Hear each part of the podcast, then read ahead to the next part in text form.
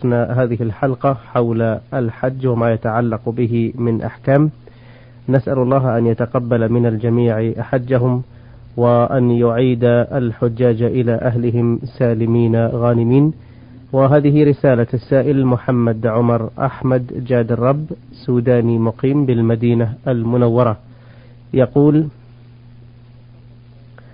وفقني الله لأداء فريضة الحج في العام الماضي علما بأنني قد أديت العمرة في الشهر الحرام. فقال لي أحد الإخوة المسلمين إنك متمتع ويجب عليك هدي. فذبحت هديا بعدما رميت الجمرة الأولى علما بأنني تحللت من الإحرام قبل أن أحلق أو أقصر أو آخذ شعيرات من رأسي. وقبل الذبح كذلك. فعلمت من أحد الحجاج يوم الجمرة الثالثة أن علي هدي أن علي هديا للمرة الثانية أو صيام عشرة أيام ثلاثة في الحج وسبعة بعد رجوعي علما بأن الثلاثة الأيام مضى منها يومان والمبلغ الذي معي لا يتجاوز الألف ريال وكما وضحت لكم سابقا ذبحت منه هديا وما بقي منه في حدود مصاريف أيام الحج.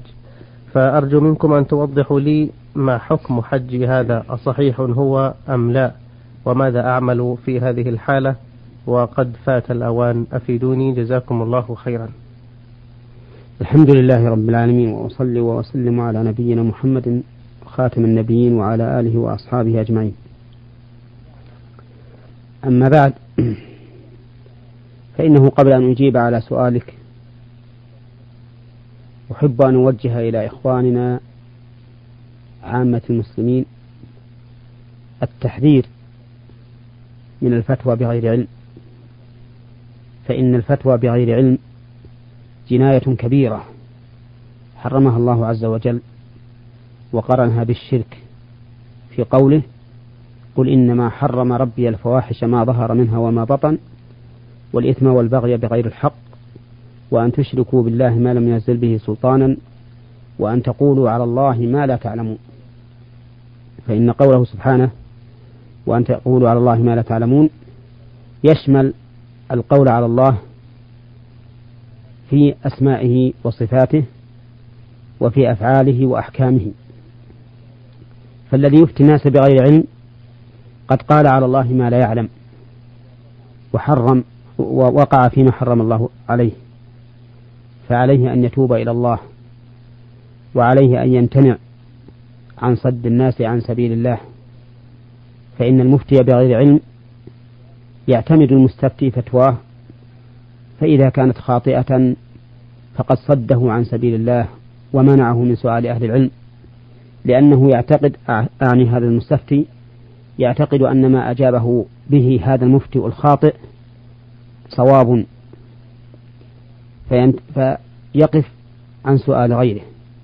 وحينئذ يكون هذا المفتي الخاطئ يكون صادا للناس عن سبيل ربهم. وما أكثر الفتاوى التي نسمعها في الحج خاصة وهي فتاوى خاطئة بعيدة عن الصواب بل ليس فيها شيء من الصواب. تكاد تقول عند كل عمود خيمة عالم يفتي الناس وهذا من الخطورة بمكان. فالواجب على المرء أن يتقي ربه وأن لا يفتي إلا عن علم يأخذه من كتاب الله أو من سنة رسوله صلى الله عليه وسلم أو من أقوال أهل العلم الذين يوثق بأقوالهم. فهذا الذي أفتاك بما فعلت. بأن عليك هديا أو صيام عشرة أيام أخطأ في ذلك. وعملك الذي عملته وهو أنك تحللت بعد أن رميت جمرة العقبة ولبست ثيابك ظانا أن ذلك جائز قبل الحلق لا شيء عليك فيه. بل إن بعض أهل العلم يقول إن من رمى جمرة العقبة يوم العيد فقد حل من كل شيء إلا من النساء. ولكن الصواب أنه لا يحل حتى يرمي ويحلق أو يقصر.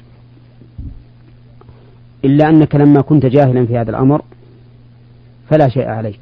ليس عليك هدي ولا صيام عشرة أيام. ثم إن فعل المحظور أيضا إذا فعله الإنسان غير معذور فيه ليست ليست هذه فديته. بل إن فعل المحظور غير جزاء الصيد. وغير فدية الجماع في الحج قبل التحلل الأول كل المحظورات يخير فيها بين ثلاثة أشياء. إما أن يصوم ثلاثة أيام أو أن يطعم ستة مساكين لكل مسكين نصف صاع أو يذبح فدية يوزعها على الفقراء. لقوله تعالى في حلق الرأس ولا تحلقوا رؤوسكم حتى يبلغ الهدي محله. فمن كان منكم مريضا أو به ألم من رأسه ففدية من صيام أو صدقة أو نسك. وبهذه المناسبة أود أيضا أن أحذر كثيرا من الناس الذين كلما سئلوا عن محظور من محظورات الإحرام قالوا للسائل عليك دم عليك دم عليك دم. مع أنه من مما يخير فيه الإنسان بين هذه الثلاثة. بين صيام ثلاثة أيام أو إطعام ستة مساكين لكل مسكين نصف صاع أو ذبح شاة. وحينئذ يلزم الناس بما لا يلزمهم. والواجب على المفتي أن يراعي أحوال الناس وأن يكون تكون فتواه مطابقة مطابقة لما جاء في كتاب الله وسنة رسوله صلى الله عليه وسلم. والخلاصة خلاصة جواب هذا في في شيئين.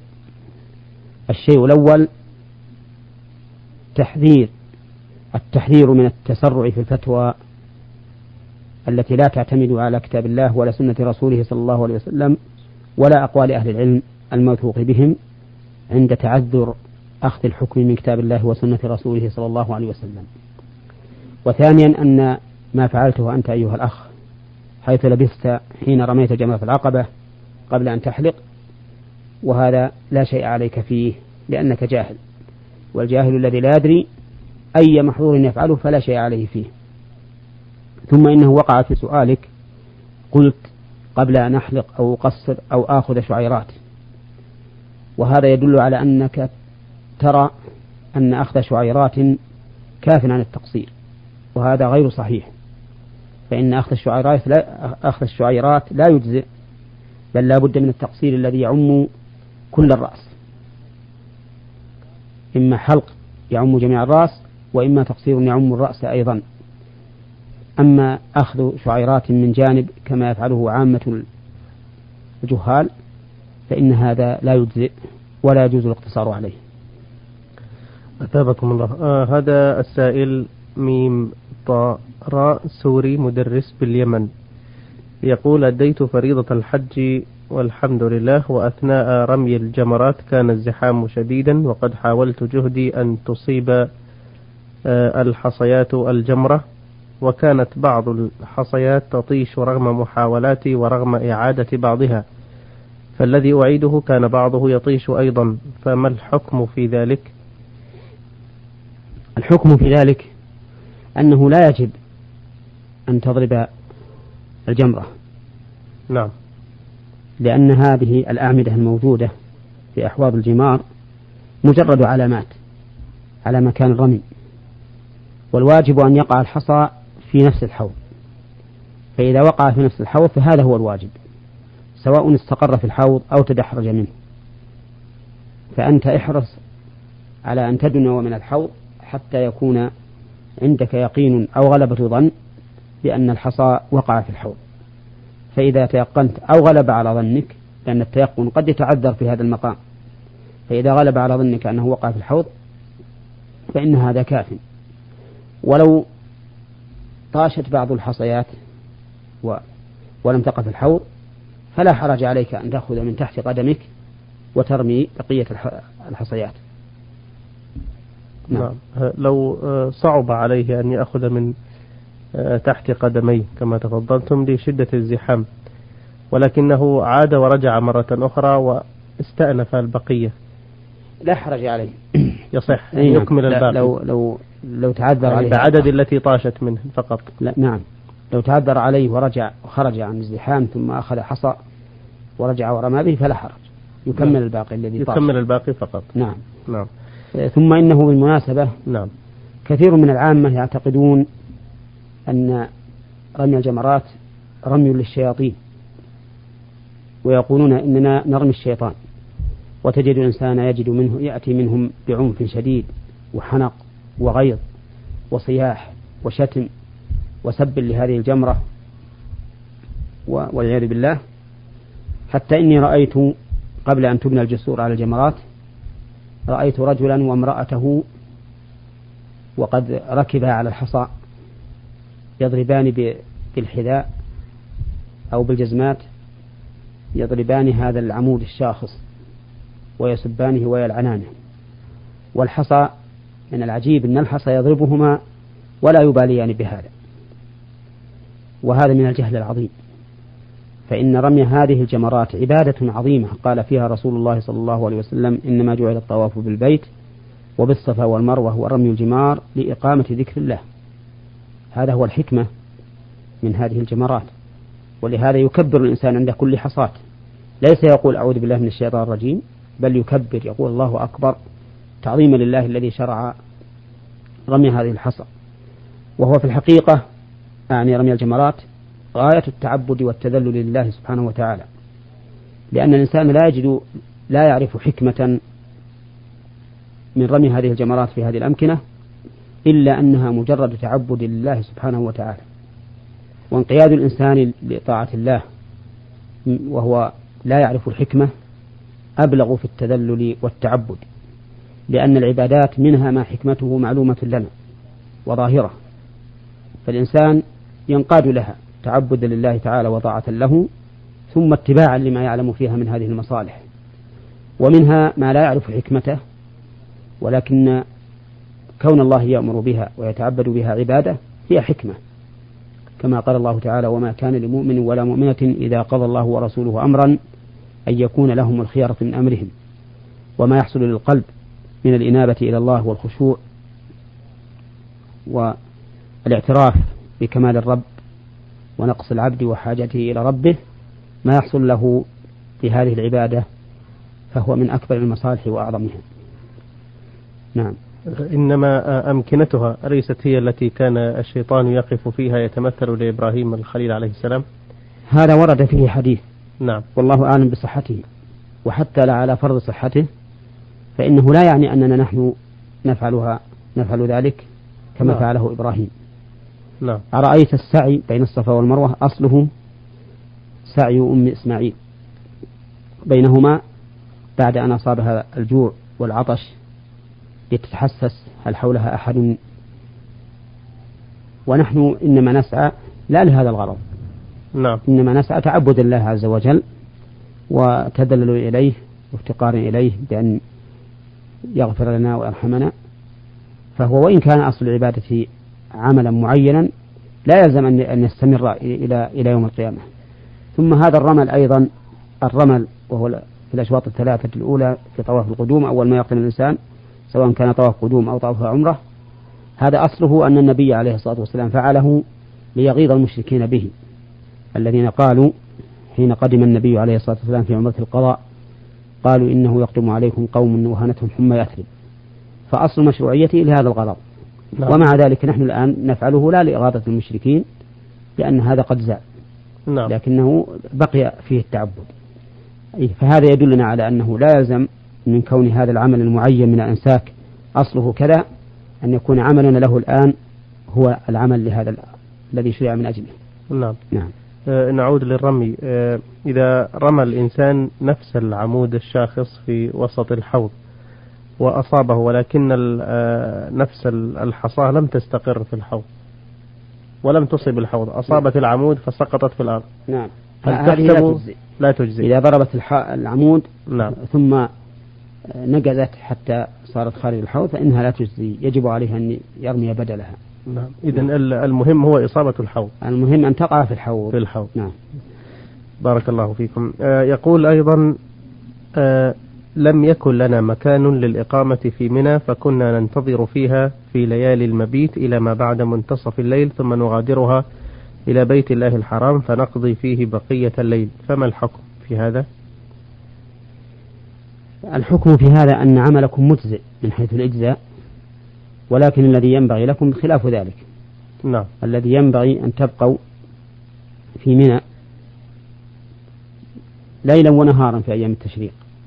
فإن لم يكن لكم مكان فأن تبقوا حيث انتهت انتهى الناس يعني عند آخر خيمة ولو خارج منى إذا لم تجدوا مكانا. إذا بحثتم أتم البحث ولم تجدوا مكانا في منى فكونوا عند آخر خيمة من خيام الناس.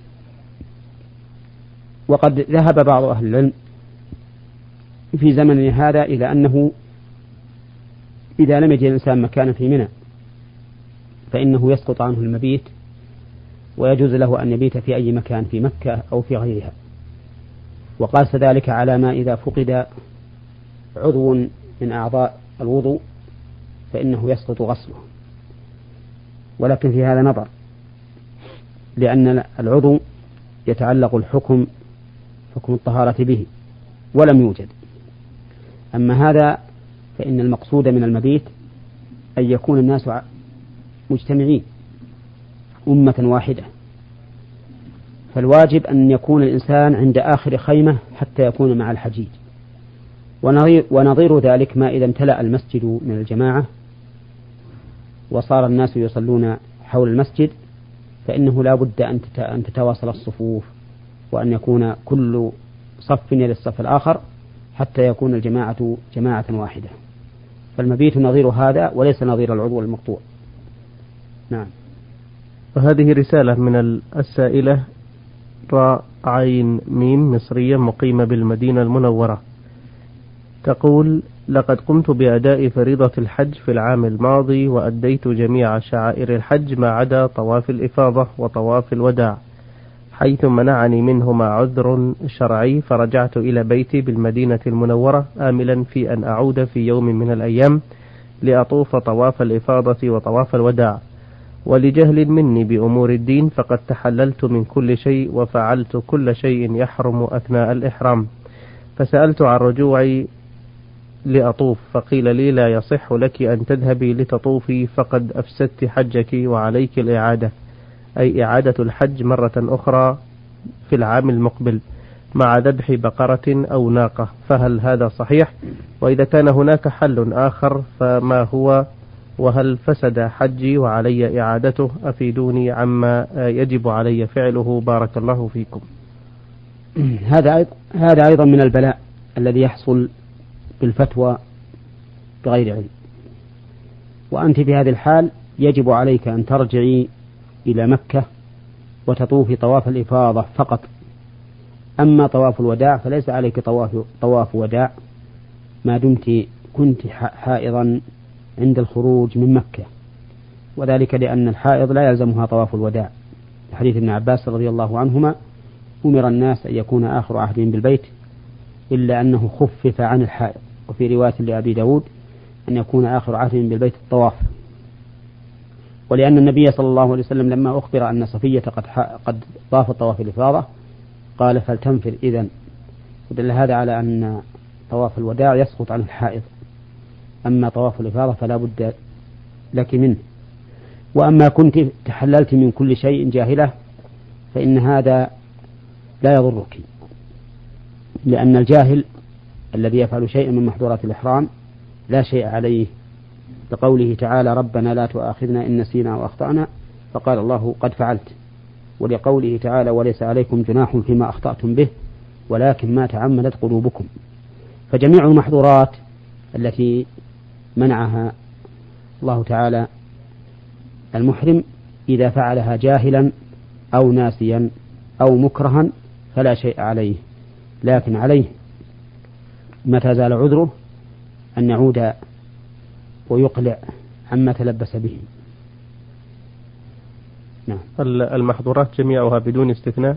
المحظورات جميعها بدون استثناء. نعم. نعم. إذا فعلها ناسنا أو جاهلا أو مكرها فلا شيء عليه.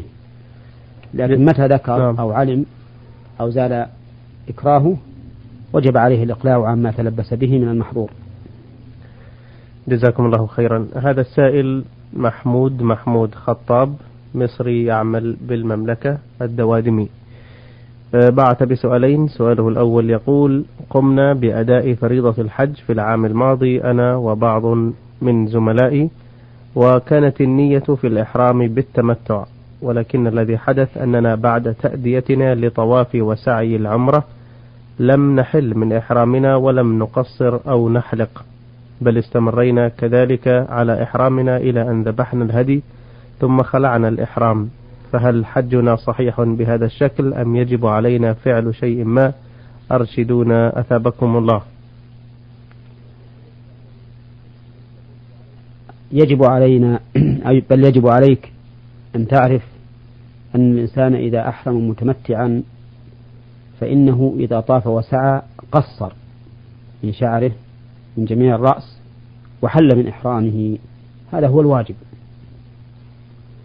فإذا استمرت في إحرامك فإن كنت قد نويت الحج قبل أن تشرع في الطواف أي في طواف العمرة فهذا لا حرج عليك. تكون قارنا ويكون ما أديته من الهدي عن القران.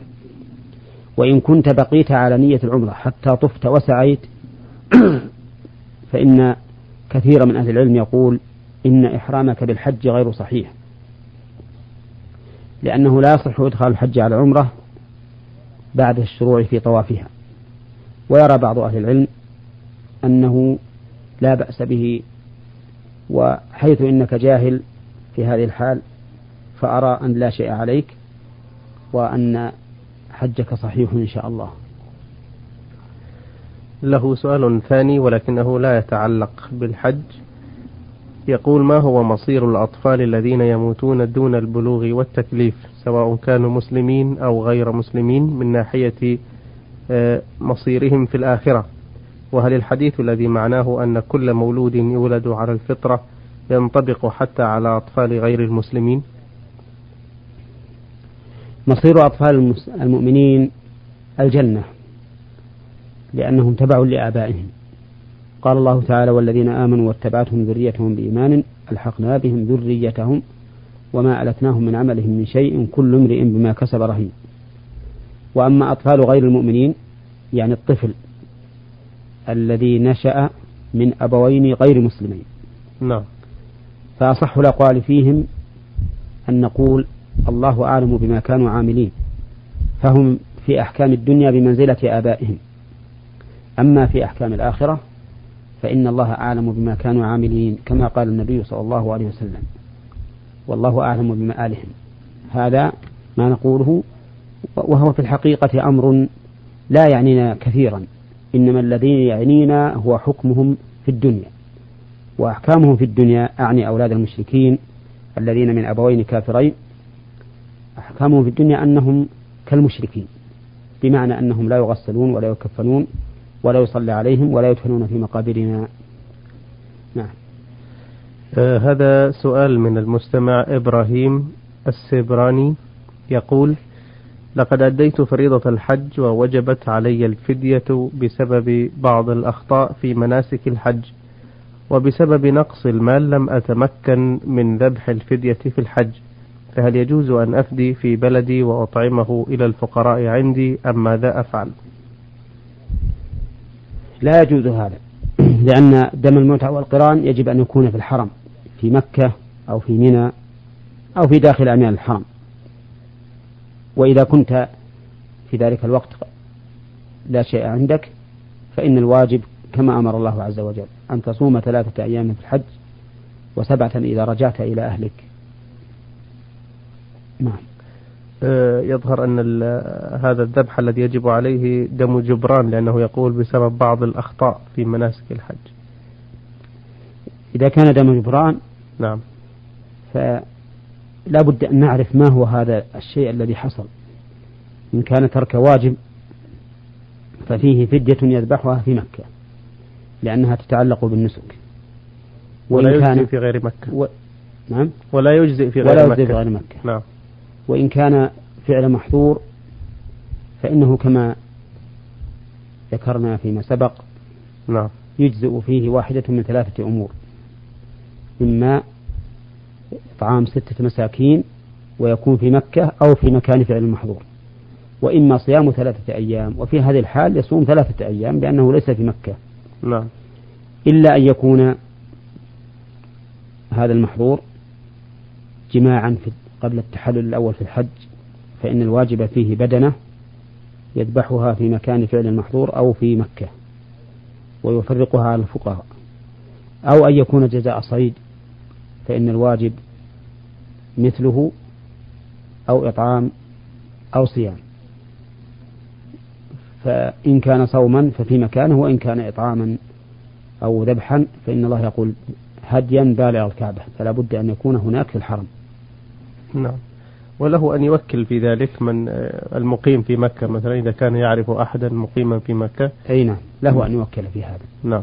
لأن النبي عليه الصلاة والسلام وكل علي رضي الله عنه في ذبح ما بقي من هديه. آه هذه رسالة من المستمع موسى صالح من المنطقة الشرقية. يقول آه أنا شخص أردني أردني الجنسية مقيم بالمملكة نويت الحج قبل أربع سنوات وذهبت مع أصحابي من أجل أداء الحج ونويت حجا وعمرة تمتعا. وبعد أداء العمرة فقدت أصدقائي ولم أكمل الحج. فهل علي في هذه الحالة شيء أم لا؟ علما بأنني أديت الحج في السنة الماضية. لا شيء عليك. لأن المتمتع إذا أحرم بالعمرة ثم بدا له أن لا يحج قبل أن يحرم بالحج فلا شيء عليه إلا أن ينذر. إذا نذر أن يحج هذا العام وجب عليه الوفاء بنذره. فإن كان بدون نذر فإنه لا حرج عليه إذا ترك الحج بعد أداء العمرة. بارك الله فيكم وأحسن إليكم إخوتنا الكرام. في نهاية لقائنا هذا نتوجه بشكرنا إلى الشيخ محمد بن صالح العثيمين المدرس بكلية الشريعة بجامعة الإمام محمد بن